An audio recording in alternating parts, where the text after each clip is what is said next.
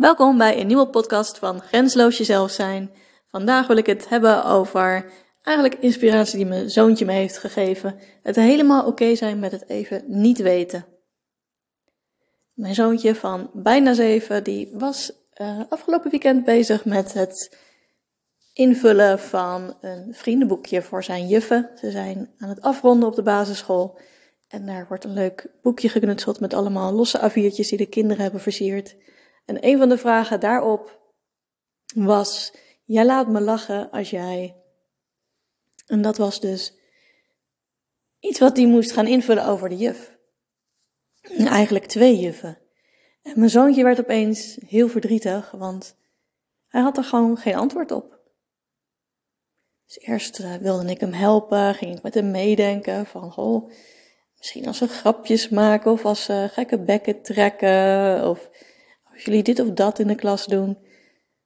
Maar nee, hij was er helemaal van overtuigd dat hij helemaal niet had gelachen met de juffen het hele jaar. Ik kon het me niet helemaal voorstellen, maar goed, hij was zelf in en in verdrietig en hij was ook helemaal overtuigd dat dat precies was zoals het was. Ja, waarom zou ik daar dan tegen ingaan als hij daar zo van overtuigd is en hij ook echt niet naar andere perspectieven wilde kijken? Dus wat ik deed, is hem troosten en geruststellen. En ik vond het ook wel een mooie spiegel, want ja, zo gaat het ook wel. Zowel voor grote mensen als voor kinderen op school. Je wordt beloond als je iets weet en je wordt beloond als je iets goed doet. En ja, als je iets niet weet, oeh, ja. Wat erg dat ik het niet weet. En dan zie je ook wat voor schaamte er allemaal op kan zitten. En ja, wat maken we ons het dan eigenlijk moeilijk. Want iedereen weet wel eens een keer iets niet. En iedereen is hier om te leren. Zeker op school, daar kom je om te leren. En het is helemaal niet erg als je iets niet weet, maar is het niet super stoer ook als je dat gewoon kan toegeven dat je het niet weet?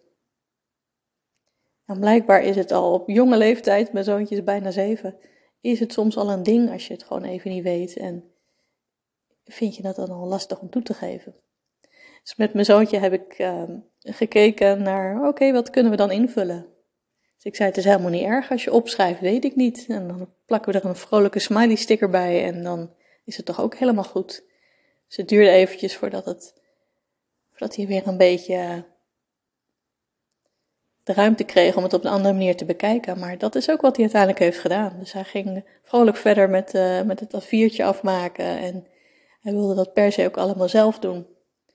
Zij heeft hem afgemaakt, hij heeft er opgeschreven, weet ik niet. Hij heeft er een smiley bij geplakt. En ja, daarna werd hij gewoon weer vrolijk en ontspannen. En was hij gewoon weer heel blij het A4'tje aan het invullen. Het gaf hem ruimte om te bedenken dat hij inderdaad gewoon kon invullen dat hij het niet wist. En dat dat helemaal oké was. En ja, ik vond het wel weer een mooie spiegel, want hoe vaak zitten we onszelf wel niet op de kop als we iets niet weten.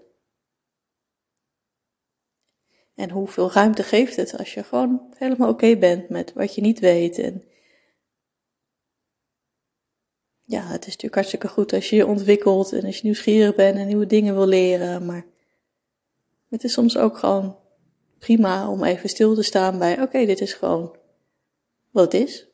Dit is het voor nu en dit is het misschien over een tijdje nog steeds, maar het is gewoon zo. En waarom zou ik me daar heel erg druk om gaan maken?